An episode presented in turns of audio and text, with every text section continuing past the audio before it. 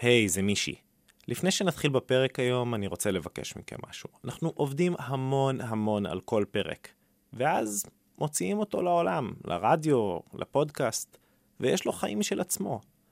ואנחנו לא באמת יודעים מי מקשיב לו. זאת אומרת, אנחנו יודעים בגדול את המספרים ודברים כאלה, אבל אנחנו לא יודעים מי אתם ומה מעניין אתכם. אז תעשו טובה, כנסו רגע לאתר שלנו, israelstory.org, או לעמוד הפייסבוק שלנו תחת השם סיפור ישראלי, ותמלאו את סקר המאזינים שלנו. זה ממש יעזור לנו וילמד אותנו מי המאזינים שלנו. אוקיי, תודה תודה. ועכשיו לפרק. אתם יודעים, לפני בערך 4.5 מיליארד שנה, ככה מספרים לנו המדענים, כדור לבה לוהט התחיל להתקרר ולהפוך למה שאנחנו מכירים היום בתור הבית שלנו. כעבור 800 מיליון שנה החלו להופיע כל מיני אורגניזמים שמילאו את האטמוספירה בחמצן. זה לקח הרבה מאוד זמן, משהו כמו מיליארד שנה. וגם אז כל האורגניזמים האלו היו מרוכזים בים. רק לפני בערך 400 מיליון שנה הדגיגים הראשונים לקחו צעד אמיץ, בלתי הפיך, ויצאו לחפש את עצמם מחוץ למים. ואם חושבים על זה, בעצם כולנו חיים את הסיפור הזה, רק ממש ממש בקטן. כשאנחנו נוצרים אנחנו כולה איזה דגיג קטן ששוחה בג'קוזי המחומם בבטן של אמא שלנו. אנחנו מבלים שם 40 שבועות, גדלים, מפתחים ריאות וכליות, לב ומוח, מתרגלים לרעשים המוזרים של העולם מבחוץ, ויוצאים עד כמה שאפשר מוכנים. אבל לא לכולנו יש את המזל הזה. אחד מתוך עשרה מאיתנו, כמו ג'מאל בשאר מטירה לדוגמה, נולד לפני הזמן. פגשנו את אמא שלו, אסמה, ליד האינקובטור שבו הוא ישן. מעין גיגית מרופדת מפלסטיק שקוף. מסביב כל מיני מכשירים מצפצפים שמנטרים את רמת החמצן של ג'מאל, את קצב פעימות הלב שלו, וגם מלא מדדים אחרים. נולד בשבוע 31 פלוס 2. אבל קטן, כמובן. קטן, כן, קטן במשקל. הוא נולד אה, קילו 150 גרם. הוא נולד ביום רביעי, ביום חמישי הוא פתח את העיניים, אבל לא פתח אותם גדולים מדי, כמו שעכשיו הוא פותח, פתח קצת וסגר. כן. אז את באה לפה כל יום? אני באה לפה כל יום בבוקר, נשארת uh, עד סוף היום. באמת?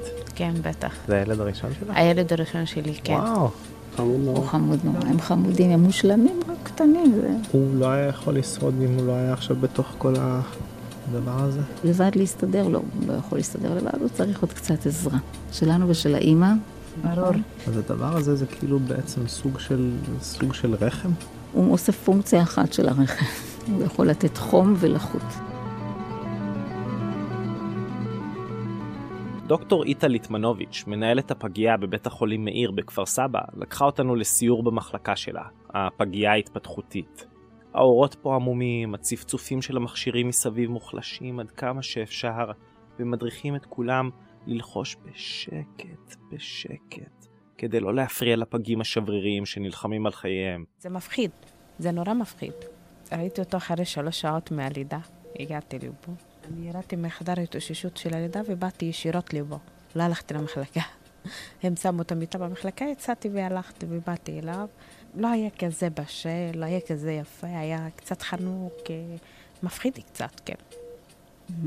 באמת היה מפחיד. תמיד חשבתי שכור ההיתוך של ישראל זה הצבא, החלום הזה של בן גוריון על רמטכ"ל תימני וכל זה.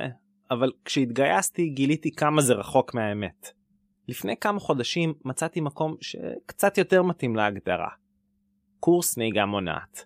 שם, לפחות בקורס שלי בקריית יובל בירושלים, היו ערבים וחרדים, אשכנזים ומזרחים, אבל בפגייה של איטה זה אפילו יותר בולט. זה יוצר סביבה מאוד מאוד מאוד טובה, נעימה.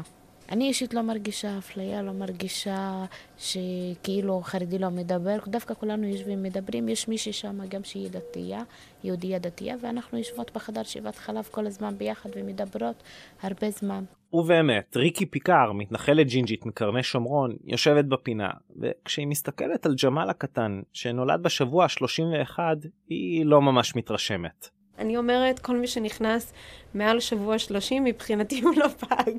מבחינתי הוא מבקר. אני ילדתי תאומות בשבוע 26 פלוס 6, 6 ימים. הם נולדו במשקלים של 810 גרם ו-900 גרם. הם הכוכביות של הפגייה. הם פה הכי הרבה זמן בינתיים. איך קוראים להן? אה, טלי ומיה. הם היו נראות כמו עוברים.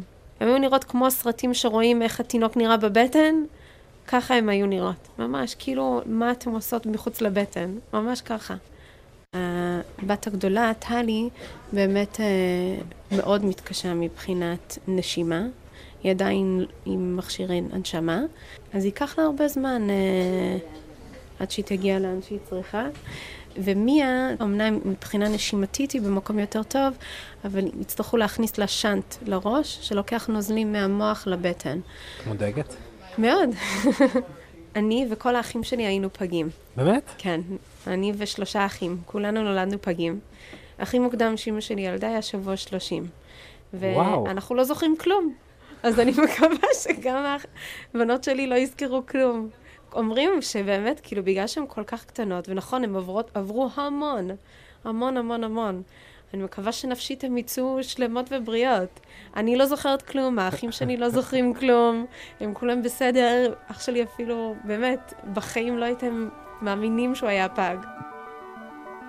בשנות ה-60 סיכויי ההישרדות של תינוק מתחת לקילו וחצי בארצות הברית היו 28 אחוזים.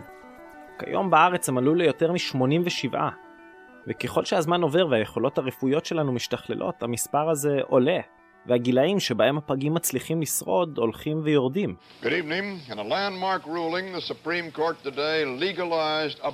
בהחלטה המפורסמת של בית המשפט העליון באמריקה מ-1973, רו נגד וייד, הפסיקה שהתירה לעשות הפלות והפכה מאז לנושא קבוע וסופר מפלג בכל מערכת בחירות שם, הוכנס לשיח המושג של viability.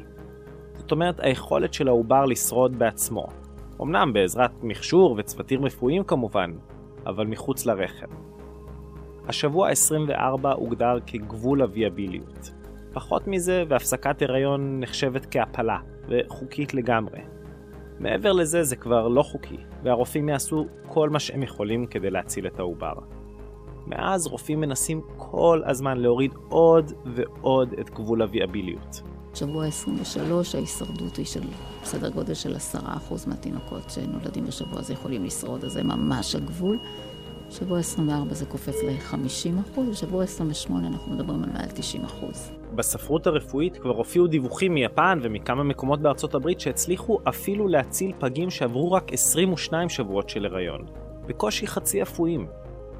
אבל המאבק האמיתי, איתה מסבירה לנו, קשור לא רק לסיכויי ההישרדות, אלא גם לסביבה של הפגים בתקופה הקריטית הזאת שבה הם מבלים בפגייה, במקום ברחם. יש פה מוח לא בשל, וכל הגירויים החיצוניים לכן משפיעים על החיבורים בין התאים. אנחנו צריכים להשתדל לווסת את זה, לא לתת עודף גירויים, בהשוואה למה שהוא היה מקבל בתוך הרחם. כל דבר שהם עושים, כל דבר הכי הכי הכי קטן, אתה אומר, וואו, איזה נס. כשטלי בוכה, אני אומרת, וואו, כאילו, היא בוכה כמו תינוקת. יש לה ריאות, אפילו שהיא עושה כאילו שלא. ורוב האימהות רוצות להשתיק את התינוקות. אני אומרת, תמשיכי לבכות, זה עושה לי נחת. כן, יש פה הרבה ניסים במקום הזה. הרבה הרבה הרבה ניסים. אז בעצם הוא סוג, הוא סוג של דג מחוץ למים? בדיוק.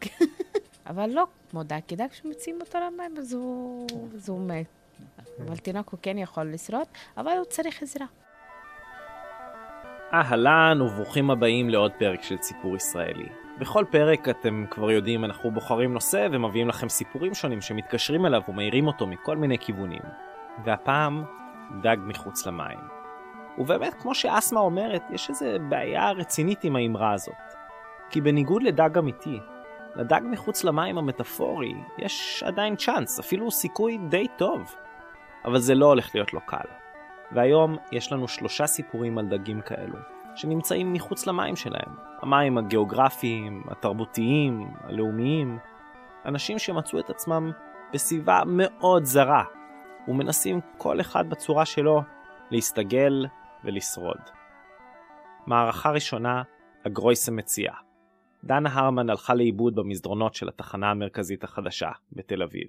אם תמשיכו אחרי הבסטות שמוכרות כרטיסי טלפון וכלי בית בשקל, תעברו את דוכני הפלאפל והמאפיות, תעלו ברמפה לכיוון מרפאת המין, אחרי המכון לנהיגה מונעת ומשרד השידוכים הפיליפיני-ישראלי, תיקחו ימינה בגן הילדים של המהגרים ותעשו איזה סיבוב צ'יק, תגיעו למסדרון חשוך.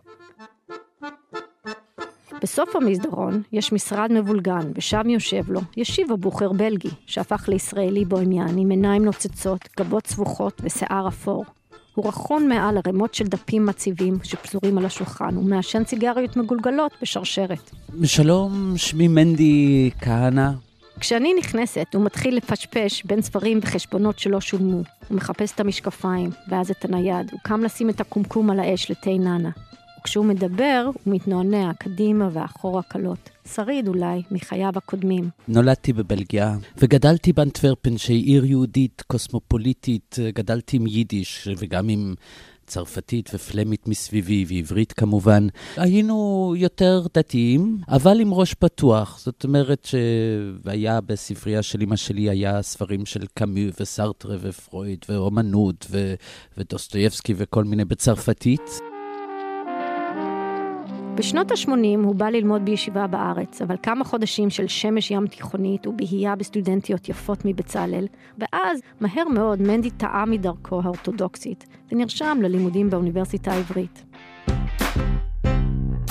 רציתי לצאת מהעולם הדתי, רציתי לצאת מכל הפרובינציאליות וה... קליינשטייטליות של, אה, כן, של, של אנטוורפן, ופה זה היה המקום של החופש. הלכתי ללמוד גם צרפתית וגם השוואתית וגם פיזיקה, ועזבתי קצת את הדת. אה, ואז איכשהו, מה שהיה מעניין, שעם הלימודים של פוסט-מודרניזם, וכבר הגעתי לבארט ולדרידה, הם החזירו אותי לתלמוד שוב. אז אמרתי, וואלה, מצחיק מאוד. אני עובד פה כדי לא, להוריד ממני את כל האלטה זכן, ואז עכשיו אומרים לי שזה לא אלטה זכן, שזה משהו, אוי אוי אוי, הגרויס מציע.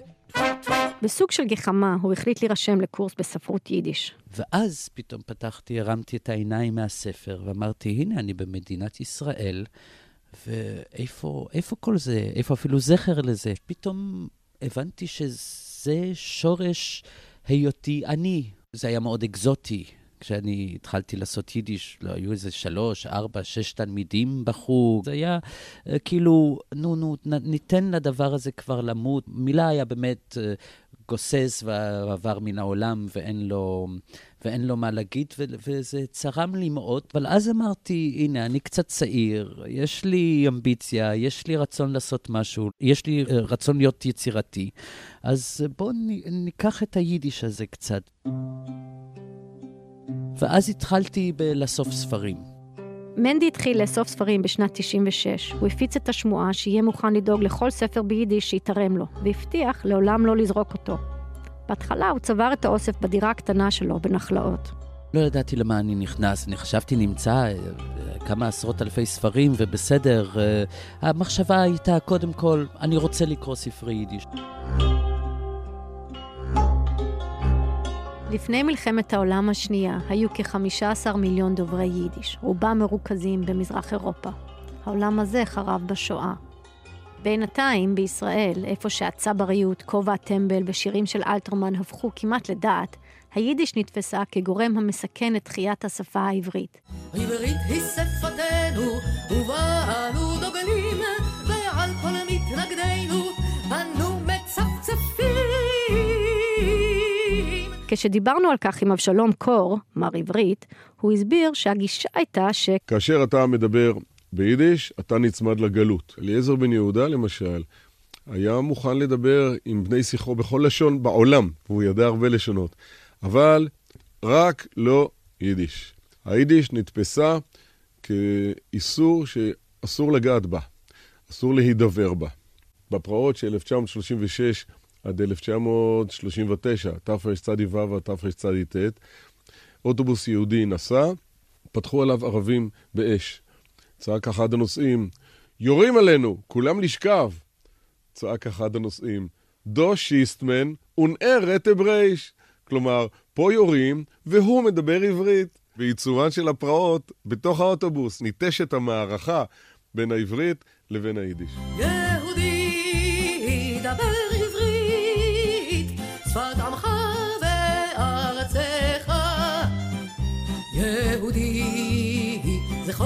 תמיד, כי עברית היא שפתך. ובאמת, היידיש נודתה והושמצה. יש סיפורים על חרמות על סרטים ביידיש ותקיפה של קיוסקים שמכרו עיתונים ביידיש בשנות ה-30 וה-40. עם קום המדינה אפילו הוציאו תקנות האוסרות על הופעה של להקות מקומיות ביידיש, כך שהספרים העלו אבק והציבו על מדפיהם של יוצאי אירופה מזקינים, וחיכו בסבלנות לגואל. מנדי סיפר לי על אחד התורמות הראשונות שלו. היא הייתה מורה, והיא סיפרה לי איך שהגיעה לפה לישראל, הנה חוגה וולדקיים, רציתי, רציתי לתת, רציתי להביא את כל הידע שלי למדינה הזאת, לעם, לכל השבטים, למי שאני, למי שהם, והילדים פשוט שמעו אותי מתחיל לדבר יידיש, הם סגרו את האוזניים, איך הם ידעו לסגור את האוזניים? בעלי, לפני שהוא נפטר, הוא אמר, זה לא יכול להיות שבמדינת ישראל ישכחו את זה, עוד יבוא היום ויבינו שזה חשוב. והנה באת. מהר מאוד מנדי צבר יותר ספרים ממה שהדירה הקטנה שלו יכלה להכיל. אז הוא ייסד ארגון וקרא לו יונג יידיש. יונג יידיש, יידיש צעירה. אה, יידיש צעירה שיש צעירות ביידיש, יש, אה, יש חדוות חיים, וגם, אמרתי, יש לכם יינג ויאנג, אז שיהיה גם יונג.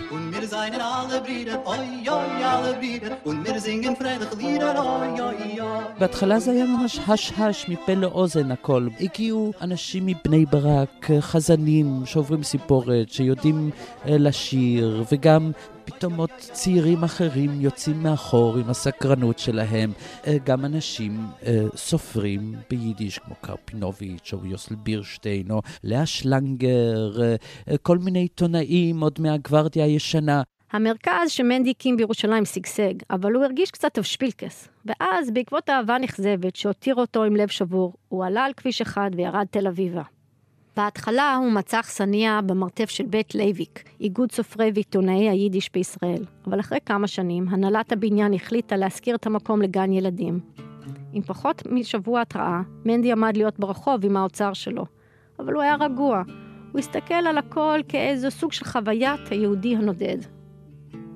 כשפליטים עם, עם ספרים או עם חבילות או עם פקל, הם לא יכולים לחשוב הרבה. כל יום זה, זה הישרדות, הישרדות יהודית כזאת, לא מהטלוויזיה. ברגע האחרון הגיעה הצעה מחברים של חברים, שבדיוק פינו סטודיו בתחנה המרכזית החדשה, ומנדי הלך לבדוק את המקום. וזה היה בטון ופתוח, ועם ציפורים בפנים ובלי חלונות והכל, אבל אמרתי, זהו, היה לי כבר איזה שבע טון של ספרי יידיש. בשלפ לא נורמלי, מנדי העביר את מצבור הספרים לתחנה. סידר, תיקן את החלונות, כיסה את רצפת הבטון הקרה בשטיחים, ואסף כורסאות ושולחנות יד שנייה. מסביב, על מדפי מתכת תעשייתיים, בערימות ובמערומים, הניח כ-50 אלף ספרים, מגזינים ועלונים. יש פה ירחוני בריאות מוורשה 1924, אוסף בדיחות משנות ה-30 מווילנה, וספרי ילדים מאוירים משנות ה-40 בניו יורק. יש פה רומנים של שלוימה אטינגר, חיים גראדה, ספרי שירה של מאני לייב, ותרגומים של פושקין, המינגווי וסרבנטס, והכל כמובן ביידיש.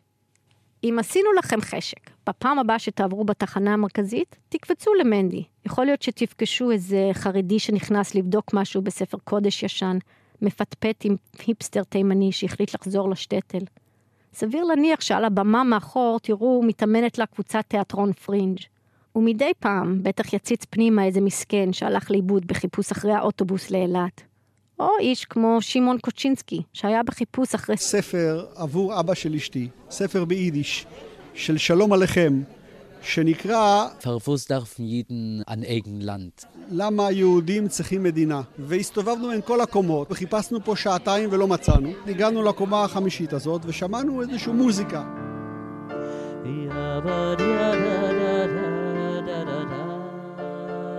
אני באמצע חזרה הייתי עם עיר השירן. והקשבנו איזה רבע שעה, הוא לא הרגיש בנו. בדיוק הייתי באיזה שיר יפה, כזה שיר קצת עצוב, על, על, על תופר שיורד הגשם והוא רואה איך שהשנים עוברים uh, ללא תכלית.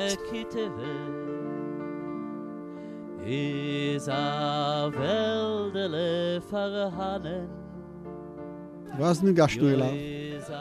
ואמרנו, א', המוזיקה מאוד מצאה חן בינינו, וב', אם יש לך ספר כזה. והספר הזה הוא אה, שלום עליכם רושם בו אה, ש, ש, שזהו, בגלל דרייפוס, בגלל כל הצרות, אנחנו צריכים מדינה. והוא בתוך שנייה ניגש לכל אלפי הספרים האלה, ומשך החוצה את הספר, ונתן לנו את הספר. מויריי ורבויסאי וגבירויסאי, ולנוך זינגן. סיגיטס איז דו אז יונג יידיש, ניין? מדף אסובן. כמה פעמים בחודש מתכנסת במקום חבורה לערבי שירה. מנדי שר מחוזות של שירי ערש אהובים, והקהל, ברובו עולים מחבר העמים, מזמזם יחד איתו. הערב, כדי לסגור את המופע, מנדי מזמין את הקלידנית שלו, מבוגרת, מטופחת וצנומה, שמרביצה קאברים לאידית פיאף. ביידיש כמובן.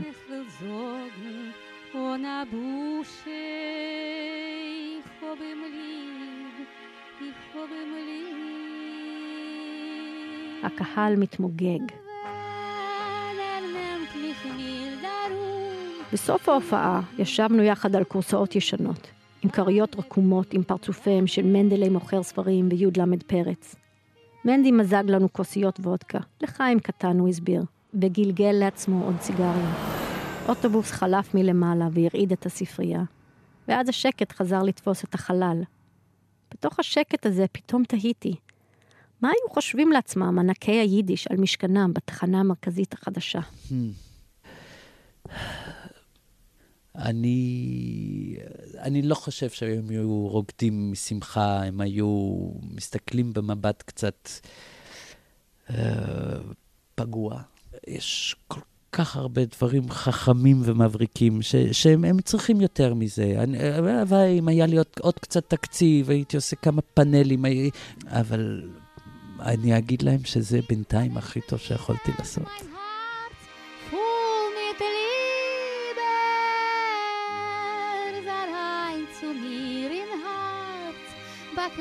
mit Rosenkranz, ich hab ihm זאת הייתה דנה הרמן. קהל נכבד, ערב טוב, ברוכים הבאים לסטדיון דוחה בסכנין.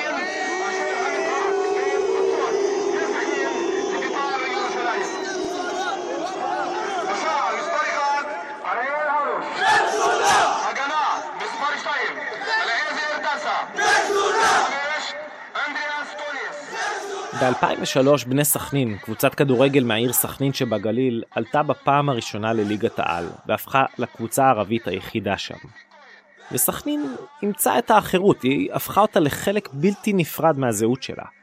כל עונה הקבוצה עומדת במרכז של בלאגנים וסקנדלים, בפתיחת העונה הנוכחית למשל, הם העניקו מגן הוקרה לעזמי בשארה, חבר הכנסת לשעבר מבל"ד שנמלט מישראל אחרי שהוא הואשם בריגול וסיוע לחיזבאללה במלחמת לבנון השנייה. לא היה צריך להיות איזה אמנון אברמוביץ' כדי לנחש שזה יגרור מיד גל של תגובות. מדובר החמאס שבירך על המהלך, ועד לאיווט ליברמן שבסטטוס בפייסבוק הציע לקבוצה לעבור לשחק בפלסטין ודרש להשעות אותה מהליגה. גם לשרת התרבות והספורט לימור לבנת היה מה לומר. שתי מילים בעצם. מעשה שפל. תאורטית, מגרש הכדורגל אמור להיות מקום א-פוליטי, אבל כמו שאגדת ספורט אחרת, יוגי ברה אמר פעם, בתיאוריה אין הבדל בין תיאוריה לתכלס. אבל תכלס יש, וזה הכי בולט במשחקים בין סכנין לביתר ירושלים. כל פעם מחדש המשחקים האלה חושפים את המתחים בין שמאל לימין, בין יהודים לערבים, ובדרך כלל בצורה הכי מכוערת ואלימה שאפשר לדמיין. לתוך כל הבלגן הזה תזרקו פנימה אחד, טדי פסברג, ילד טוב ירושלים מהגבעה הצרפתית. שי סטרן, אחד המפיקים של התוכנית שלנו, מביא את הסיפור שלו. טדי הוא בחור גבוה, רזה, לבן, כמעט ג'ינג'י, אינטליגנטי, נעים. אה, והוא... הוא יהודי, לגמרי יהודי. אז כשאנשים שומעים שבשנת 2007, אחרי שהוא השתחרר מהצבא, הוא הלך לגור שנה בסכנין, הם לרוב רוצים לדעת למה. אמ, כמו שאתם אה, שומעים, אה, כשאני שאלתי את טדי למה... טוב, אז אני עונה על השאלה של למה סכנין. עלתה תחושה שכבר אין לו כל כך כוח לענות, אמ, ודווקא יש לו תשובה ממש טובה. הוא רצה לכתוב ספר כדורגל, במסורת של ספרי ספורט אמריקאים. לא ספר לאוהדים שרופים, אלא בחינה של נקודות ההצטלבות בין ספורט לחברה, ובסכנין היה את החומר הנכון. קבוצה שהיא לא רק אנדרדוג, קבוצה שהיא סמל. המחשבה הייתה שאין סיפור יותר מעניין בספורט הישראלי באותה נקודת זמן מאשר בני סכנין. הקבוצה הערבית המצליחה בישראל, או הקבוצה של המגזר אם תרצו. אז בואו נחזור קצת אחורה ונדבר טיפה כדורגל. ב-2003 בני סכנין עלתה לליגת העל. ליגת העל זאת הליגה הראשונה הכי טובה. היא הייתה הקבוצה הערבית היחידה בליגת העל, ולמרות התקציב הנמוך היא די הצליחה. היא אפילו לקחה את גביע המדינה. אבל אחרי כמה עונות הכל התחיל להתפרק וסכנין ירדה ליגה. אז ב-2007 היא עלתה שוב, אבל כל הפרשנים היו פסימיים. הם היו הקבוצה הענייה ביותר בליגה. לפני תחילת העונה, כולם דיברו על זה שהם מועמדים ראשיים לרדת שוב. ובדיוק כאן, לפני תחילת העונה, בשנת 2007, טדי התחיל לתכנן את המעבר. לא ידעתי כלום. השאלה הראשונה הייתה האם זה בכלל אפשרי, האם אני יכול לגור שם, האם זה בטוח, האם זה לא מסוכן. כשהחברים של טדי תכננו את הטיולים הגדולים של אחרי הצבא, נפאל, דרום אמריקה, כאלה, טדי התחיל לחפש דירה בסכנין. אבל מסתבר ש... אין דבר כזה בעצם, לא משכירים דירה, אף אחד לא בא לגור בסכנין. גרים שם אנשים שנולדו שם, ואין שם דירות שנועדו להשכרה. אז טדי יצר קשר עם יואב שטרן, כתב של הארץ שגר באום אל-פחם, שהסביר לו ש... הדרך שבה זה, זה עובד בסכנין זה שכדי שאני אמצא שם דירה, אני צריך שיהיה לי פטרון. יואב ישר חשב על עלי רליה, הכתב שסיקר את בני סכנין בעיתון, אז הוא הרים לו טלפון. ואמר לי שיש איזה בחור יהודי שמעוניין אה, לבוא לגור בסכנין, ואמרתי לו בשמחה, למה לא? תשלח אותו אליי, ושלח אותו אליי. ו... ולטדי היה פטרון, כמעט. עלי עוד היה צריך להבין מה בדיוק הסיפור של הילד היהודי הזה שרוצה לבוא לגור בכפר. אולי אלה מהשב"כ באים ללמוד ערבית, משימות במדינות ערב. אז אני מניח שהוא בא אליי אז כדי לוודא שאני באמת אה, בסדר ושהכוונות שלי הן טהורות ואין לי מניעים נסתרים. אבל אני לא האמנתי שהוא שב"כ, כי שב"כ רוצים גוף חסון, הוא אין לו את הגוף טדי לא. אז למרות שאלי חשב שטדי רזה מדי כדי להיות שב"כניק, הוא הגיע לארוחה אצל ההורים של טדי בירושלים, רק כדי לוודא. ההורים שלי בעיקר היו לחוצים של מה, מה כאילו, מה, איזה אוכל מקובל להכין ודברים כאלה. הפגישה הייתה ממש מוצלחת. אני חושב שאימא שלי הכינה דגים. ואז נסעתי אליו באיזה שבת, אמ, ואז עשינו סיבוב בעיר, והוא אה, הוא הראה לי את העיר, אה, והוא אמר, אני אעזור לך למצוא מקום אה, לגור. סידרנו לו מקום, בית לישון, ואת האמת... מאוד uh, התפלאתי שבחור צעיר, שהוא, יש לו את הביטחון העצמי לגור בכפר ערבי, כולם ערבים וזה. לא, אני חושב שבהתחלה הייתי מאוד, הייתי מאוד מודע לזה שאני זר, ושהייתי מאוד מודע לזה שאנשים מסתכלים עליי כשאני עובר ברחוב, הם לא מבינים מה עושה כאן יהודי, וזה הרגיש מן הסתם לא נעים, למרות שבתים שלהם ביטאו בעיקר אה, סקרנות. אני זוכר שבימי שישי הראשונים, אז הרגשתי בודד, כלומר, והבדידות הייתה לא כי כולם עכשיו נגיד בארוחות שבת ואף אחד לא הזמין אותי, אלא כי אף אחד כאן לא בארוחת שבת, וזה מהבחינה הזאת, אני נמצא במקום שהוא לגמרי זר. אז טדי יכול היה להתנחם בכך שתחושת הזרות הייתה, באופן מסוים, נחלת הכפר כולו. בעוד שטדי חיפש את המקום שלו בסכנין. סכנין התחילה לחפש את המקום שלה בליגה. המשחק הראשון של העונה היה נגד מכבי חיפה. מכבי חיפה מול בני סכנין, מחזור הפתיחה של העונה החדשה. חיפה בתלבושת הירוקה חיפה אז הייתה, אני חושב, במרחק של שנה אחת משלוש אליפויות רצופות. היא הייתה אמורה להיות אחת הקבוצות החזקות בליגה. אז הם שיחקו שם את המשחק הראשון, אמ, ותוך 40 שניות סכנין כבשה שער מפתיע, עלו ל-1-0 ושמרו על היתרון עד הסוף, ניצחו. איזו פתיחה נהדרת! חמד רנאים! אנחנו עוד לא דקה בתוך המשחק, 47 שניות מן השריקה. בני סכנין צוהלת. הפתעה מטורפת, אבל בכל זאת, מחזור ראשון, הקבוצות לא מגובשות, אולי זה היה סתם מזל. אבל אז סכנין סיימה בתיקו אפס מול קריית שמונה, ובמחזור השלישי ניצחה את נתניה בחוץ. טדי התאקלם בסכנין, וסכנין התאקלמה בליגת העל, והאמת שאף אחד לא חשב שההתחלה תהיה מוצלחת כל כך. ואז הגיע המחזור רביעי. בית"ר ירושלים מגיעה לדוחה, האצטדיון של סכנין, וטדי הוא בסופו של דבר ירושלמי. בכיתה ג' אבא שלי לקח אותי למשחק פעם ראשונה, וזה היה נורא מרגש. כולם אהדו את בית"ר, אז אני, אני גם לא ידעתי שיש משהו אחר, אז גם אהדתי את בית"ר. רואה את המשחקים, אה, כשהם היו בטלוויזיה הייתי שומע שירים ושערים באדיקות, ו- וכשהם היו מפסידים זה באמת היה כאילו הורס את השבוע. לקחתי את זה מאוד ברצינות, הייתי יכול לבכות כשבית"ר היו מפסידים. באיזשהו שלב בחטיבה, כשהייתי הולך עם החברים שלי למשחקים, אז הבנתי שזה לא באמת, אה, שאני לא באמת שייך. במחזור הרביעי, טדי מצא את עצמו בסיטואציה יוצאת דופן.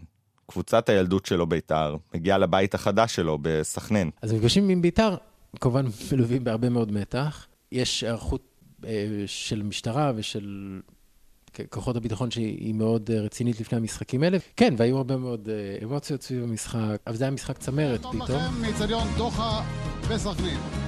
אז כל השבוע מדברים בעיתונים, מה יהיה פה? כאן יורם ארבל מנסה להרגיע את הצופים. כמה פעמים צריך להגיד שהכל בסדר כדי שנדע שממש לא בסדר. הכל בסדר, הכל בסדר. ובני סכנין מאחת את בית"ר ירושלים. תשמעו איך הוא מסכם את הקריינות. משחק כדורגל בין שתי קבוצות שמשחקות כדורגל. משחק כדורגל בין שתי קבוצות שמשחקות כדורגל.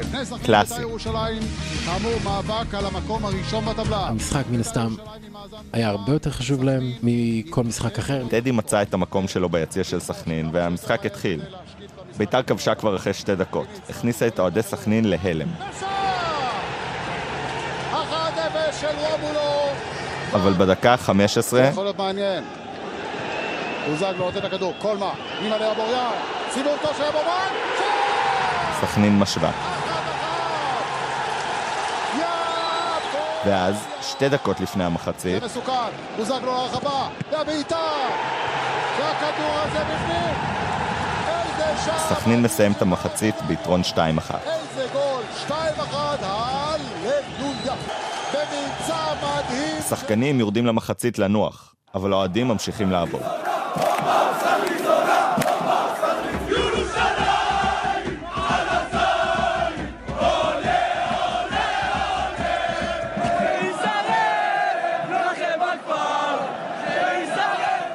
במחצית השנייה סכנין כבר נראו יפים.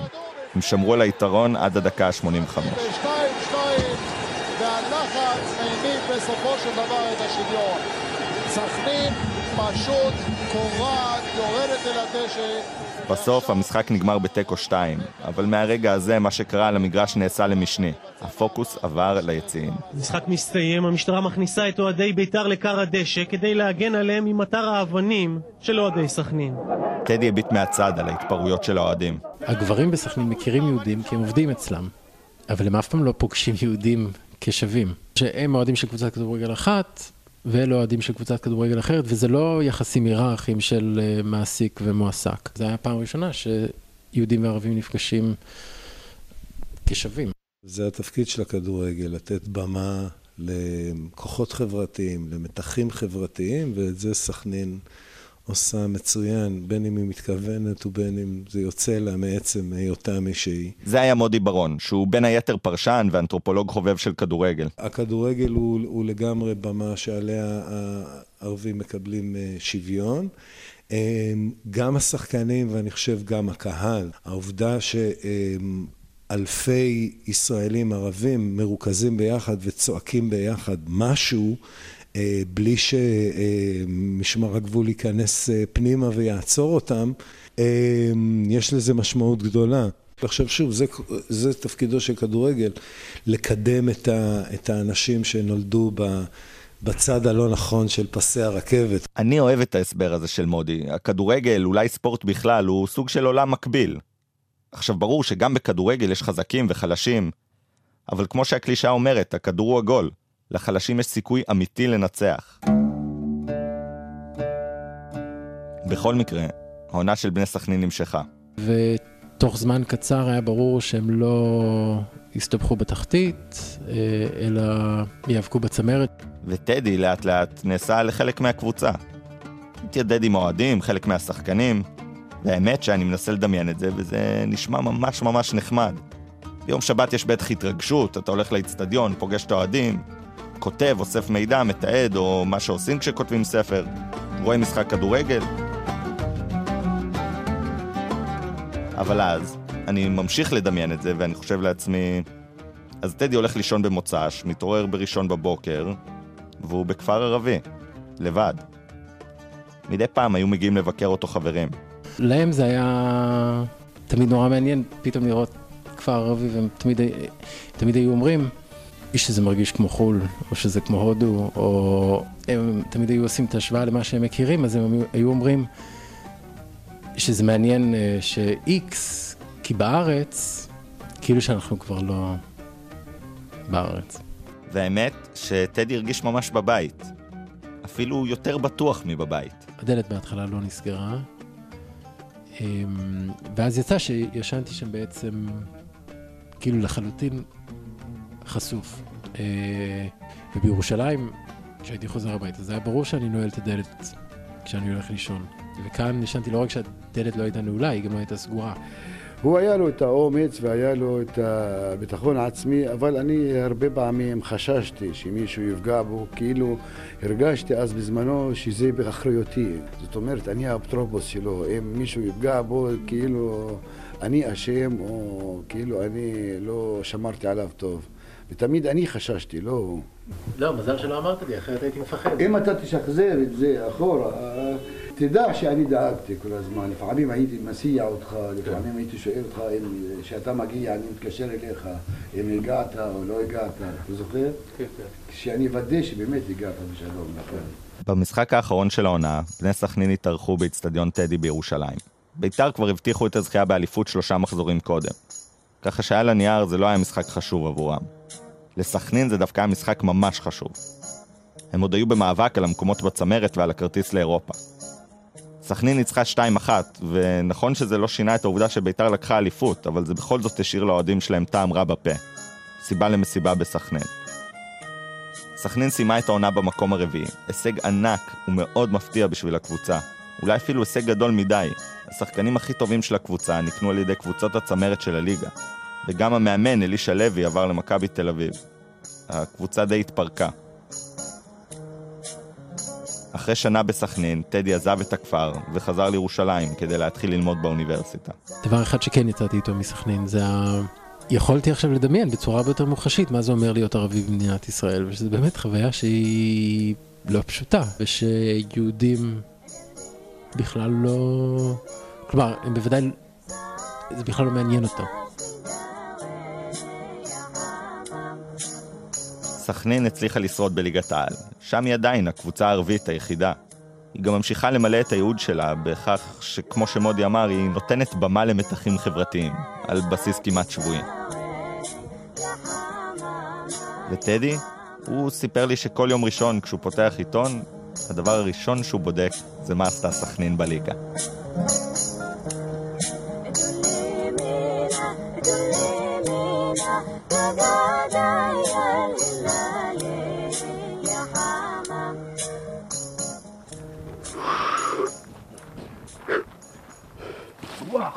קר.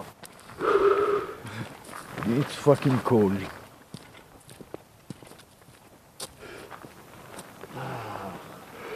אבינו מלכנו. למה נשאר להם אבינו מלכנו? חוננו עננו.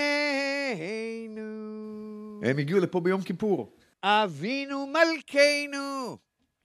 חוננו עננו. ירדו מסמי טריילר בגודל הר. הגיע ווילי, שלי, אלי ולניניה. ואז הם היו עוד קטנים. כי אין בנו מעשים. התחלתי ללמד אותם לבוא לאסם. ונדפק לי שיר בראש. והלכתי עם דלי של גרענים, ושר לעצמי. עשה עמנו. ואני מסתכל, ואלה הם הולכים אחריי. צדקה וחסד.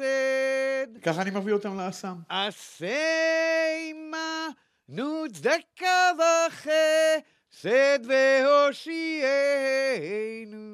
תכירו את דובי. קוראים לי דובי, ואני הרדנק הישראלי הראשון בארצות הברית. אם אי פעם תמצאו את עצמכם בניו יורק, אתם יכולים להיכנס לרכב ולהתחיל לנסוע מערבה.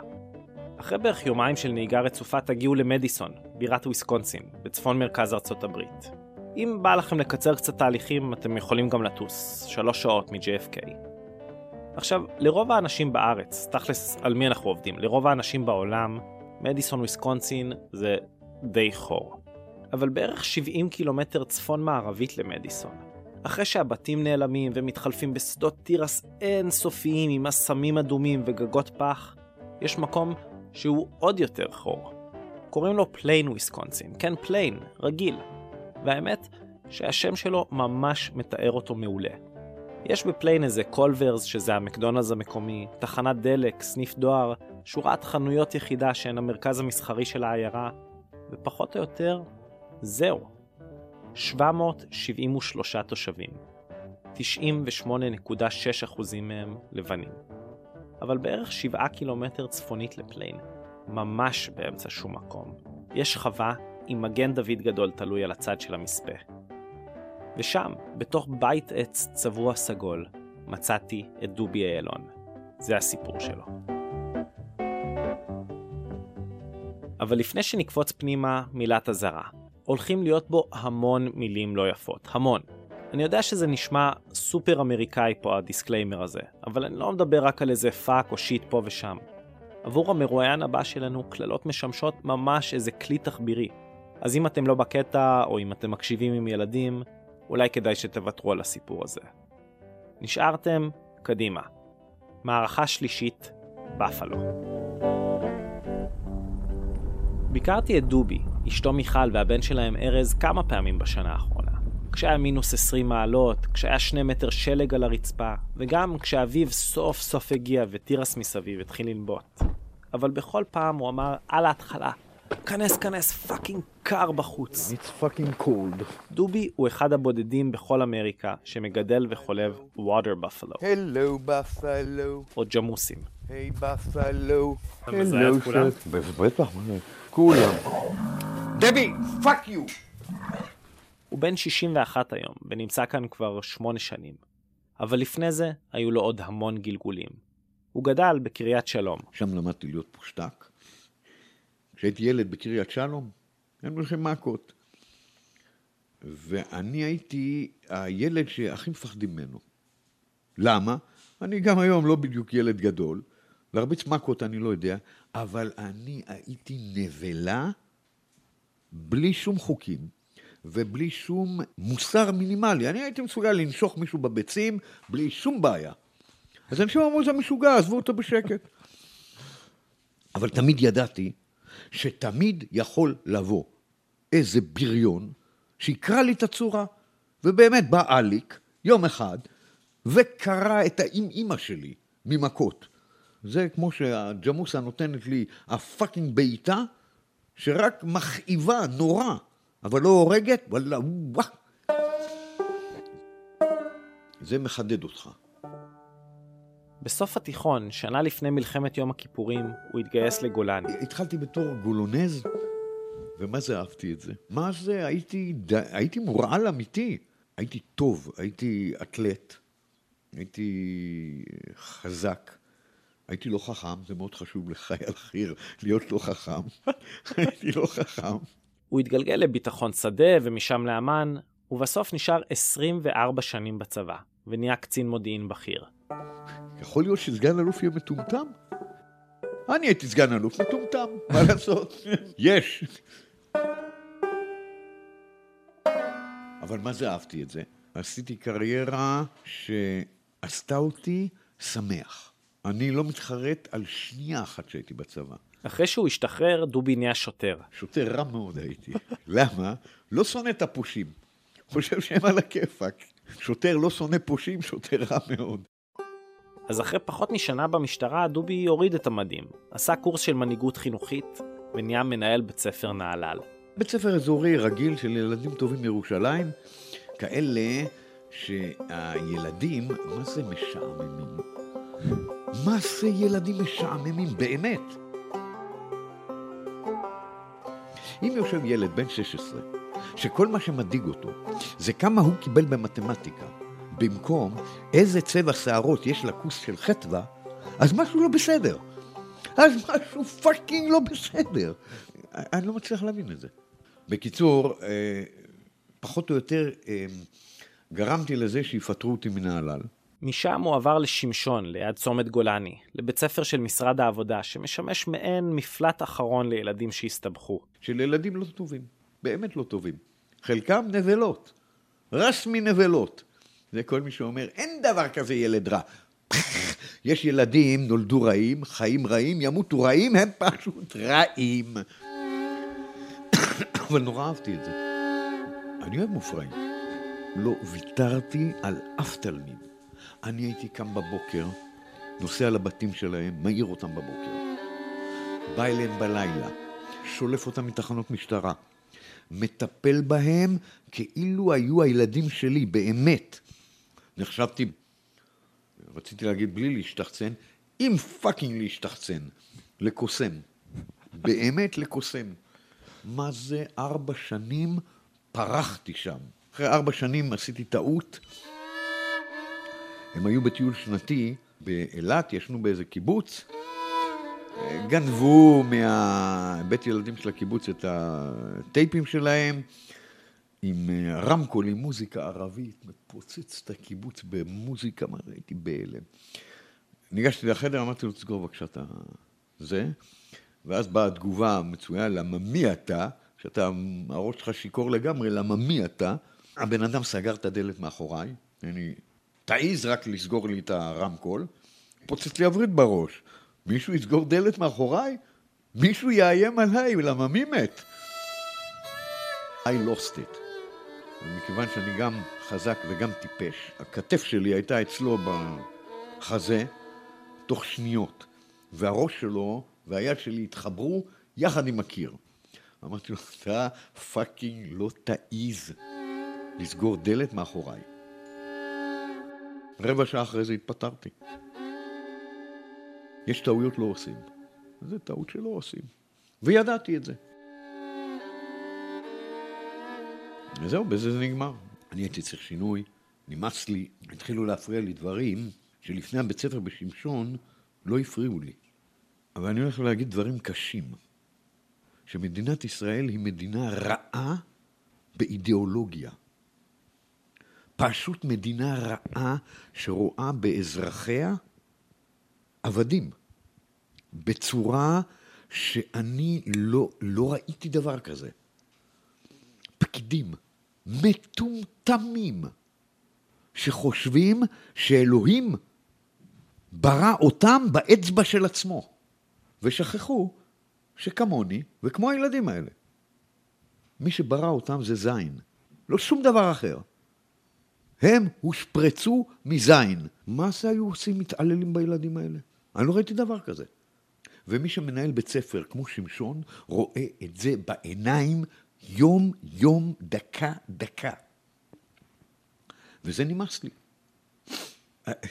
למונח מדינה אין אה, משמעות בעיניי, אלא אם היא ממלאת פונקציה מאוד ברורה, וזה שירות האזרח. אני, לא קוראים אותי מירי רגב.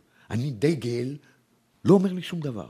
ככל שאתה יותר מטומטם, ככה אתה צריך סימבול יותר גדול. זה לא אומר לי כלום.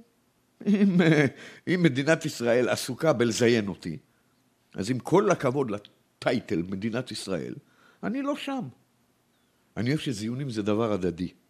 ככה לימדו אותי מהיום שהייתי ילד קטן. אם אין פה הדדיות, אז באמת, אז זה כואב. אתה מבין? זה, זה פשוט כואב. ואני הייתי fed up עד לפה. אז אני אמרתי, מספיק.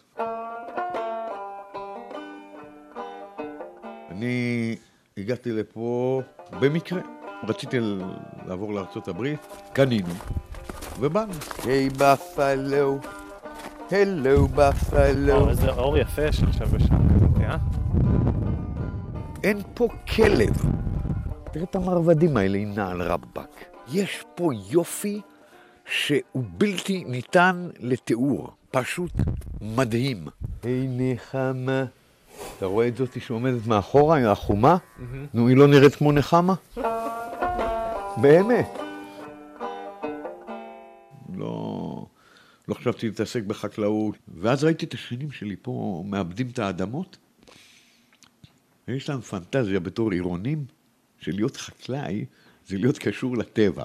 רק כשאתה נהיה חקלאי, אתה מבין שכל קשר בין חקלאות וטבע זה בול... אבל הרומנטיקה הזאת, מה זה שבתה אותי? אמרתי, וואלה, אני הולך להיות חקלאי. וכאילו, היה לך קשר לחקלאות קודם? באמת, זה בכך, אני... הגיעו לפה הג'מוסים הראשונים, ראיתי שלמעלה אין להם שיניים. קיבלתי את הג'אננה, שילמתי 15 אלף דולר על הג'מוסים האלה, בלי שיניים. אני מרים טלפון לווטרינרית שלי, אני אומר לה, ג'ניפר, אני לא יודע מה לעשות. נדפקתי חבל על הזמן.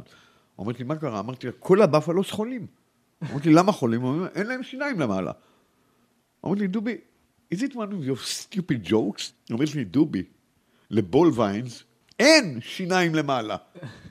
ואז הייתי בטוח שהיא מרמה אותי. לא היה לי שמץ של מושג בחקלאות. כלום, אבדן, כלום, כלום, כלום. אז נאלצנו למצוא נישה שהתוצר יהיה יקר מאוד, כדי שנוכל להיות קטנים. פה לגדל הוסטינס, או פרות רגילות, זה בדיחה. יש פה משק לידינו של 2,500 פרה, שחולב 24-7. אתה מבין? פרה הראשונה נכנסת, פרה האחרונה יוצאת, הראשונה כבר נכנסת בחזרה. שלוש פעמים ביום. בלתי אפשרי. ואז אה, מיכל באה עם הרעיון של אה, אה, בפלו. ואז התחלנו לחפש ג'מוסים. טלפנתי לחוואי בישראל, ליד אשדוד יש חווה של ג'מוסים. אמרתי לו, תשמע, אני גר בארצות הברית, אני... איי, יא יורד, לך לאמריקאים שלך, לך... נבהלתי. וואלה, באמת נבהלתי. חיפשתי באינטרנט, מצאתי אחד בוורמונט, קנט. אמרתי לו, קנט, אני יכול לבוא לבקר אצלך? הוא אומר לי, כן. ראיתי את הג'מוסים, וואלה, התאהבתי בחיה. באמת, זו חיה יפה. ג'מוס הוא פרה עם שכל, עם קרניים, עם הרבה מאוד שרירים, עם נשמה משלה. אני אוהב אותם, אני פשוט אוהב את החיה הזאת. אם כי אל תבין לא נכון, יש ימים, אני מוכן לרצוח את כל ה buffaloes, fucking אחת אחרי השנייה, לרוץ הביתה לתלות את עצמי במקלחת. כן, יש ימים כאלה, בוודאי. מה, לך אין כאלה ימים? החיים הם לא כמו הזין. החיים כל הזמן קשים, וצריך להתרגל לזה. ניטשה טימא את הבן אדם למישהו שיושב לו קוף על הכתף. והקוף אומר לו, החיים בזבל, החיים חרא, לחיים אין תכלית. עכשיו יש שני סוגי אנשים. סוג אחד של אנשים, הוא ירוץ למקלחת, יגיד לקוף, אתה יודע מה? וואלה, אתה צודק. ירוץ למקלחת, פוקס, תולה את עצמו. העל אדם יגיד, אתה יודע מה קוף? וואלה, אתה צודק. אבל אתה יודע מה קוף? fuck you, אני ממשיך לחיות.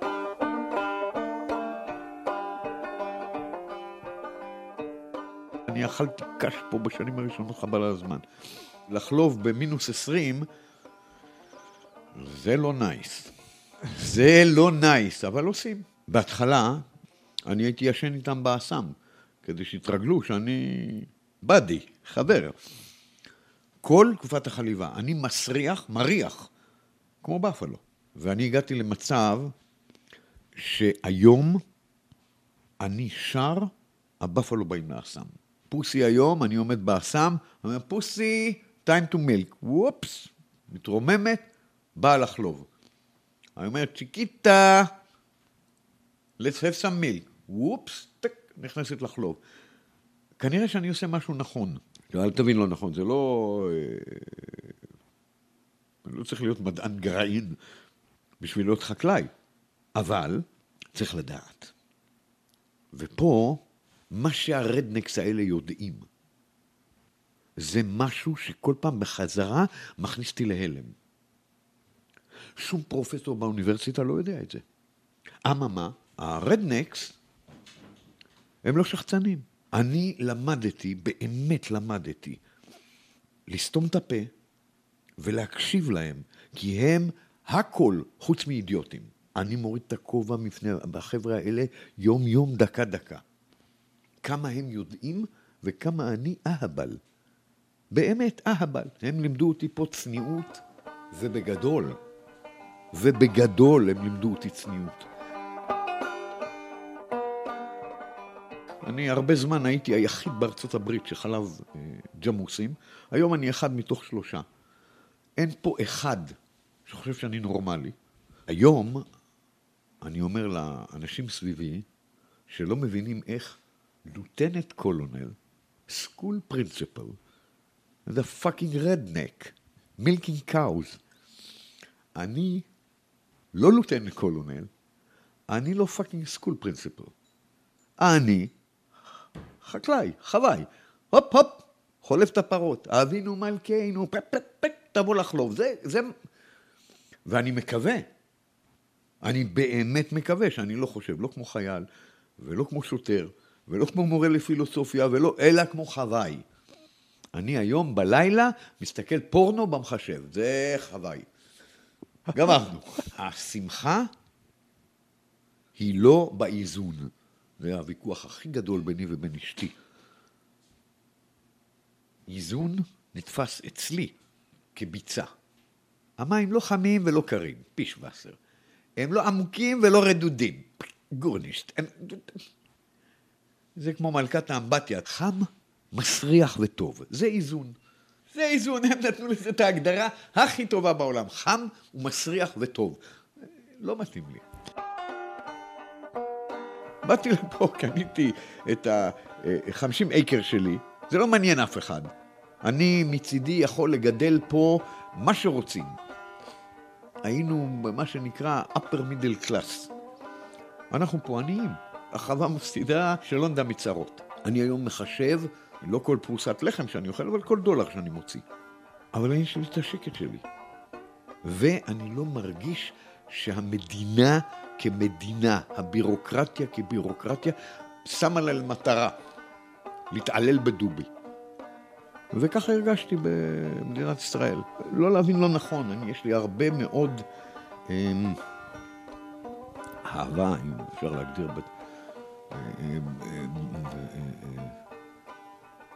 במונח הזה, קשר למדינה, יש לי הרבה מאוד למדינת ישראל. זה הפאקינג הומלנד שלי. וזה תמיד יהיה. האם אני רוצה לגור שם? אה, בוא נגיד שלא. Everybody need a place to lie. Everybody need a place to cry. Everybody need a place to die in your וזהו זה. אבל לפני שנסיים, רק נעדכן שמאז שהקלטנו בפגייה בבית החולים מאיר, ג'מאל ואסמה השתחררו. בשיחה האחרונה שלנו אסמה סיפרה שהוא כבר שוקל כמעט חמישה קילו. טלי, התאומה הבכורה, עדיין בפגייה, ועדיין מונשמת. ריקי מספרת שזה עוד ייקח זמן. אחותה הקטנה מיה אמנם השתחררה מהפגייה, אבל יש לה זיהום והיא מאושפזת באיכילוב. אז למרות ששלושת הפגים שלנו שרדו, פחות או יותר, את המעבר ליבשה, אמא ריקי הג'ינג'ית מודה ש... זה עשה לי קצת שערות לבנות. לא אשקר. תודה לאיטה ליטמנוביץ' ולכל האימהות, אבות, רופאים ואחיות שפגשנו בפגייה. לדנה הרמן, מנדי קאן ואבשלום קור, לנויה כוכבי, טדי פסברג, עלי רליה, מודי בר-און, אללה איסבידן וכל אלו שהיו מעורבים בהכנת הסיפור על טדי בסכנין. למיכל דייוויס ודובי ארז ומיכל איילון. למפיקה שלנו, גיא עופר, שתאמינו או לא, היא עדיין מסתובבת לכל מקום עם איזה מין פאוץ' כזה שבו היא דוחפת את הפלאפון StarTAC, פנקס קטן כזה עם מספרי טלפון וסוכריות של Werther's Original וממש מתעקשת. זה לא אל תצח לזה משהו אוי אוי אוי הגרויס מציע. שנייה לפני שאנחנו נפרדים אני רוצה לבקש מכם משהו. אנחנו רוצים להכיר אתכם. חשוב לנו להבין מי אתם ומה מעניין אתכם. אז כנסו לאתר שלנו www.israelstory.org תקדישו לנו שתי דקות באמת לא יותר ותמלאו סקר קטן. ואנחנו מצידנו נגריל בין המשיבים כובעי טמבל של סיפור ישראלי. הם ממש מגניבים, באמת, תאמינו לי. ועל הדרך תלייקו אותנו בעמוד הפייסבוק שלנו, תחת השם סיפור ישראלי. צוות התוכנית כולל את יוחאי מיטל, רועי גילרון, שי סטרן, מאיה קוסובר ונאוה וינקלר. נחזור בפרק הבא, ובינתיים ממני מישי הרמן ומכולנו, שלום שלום.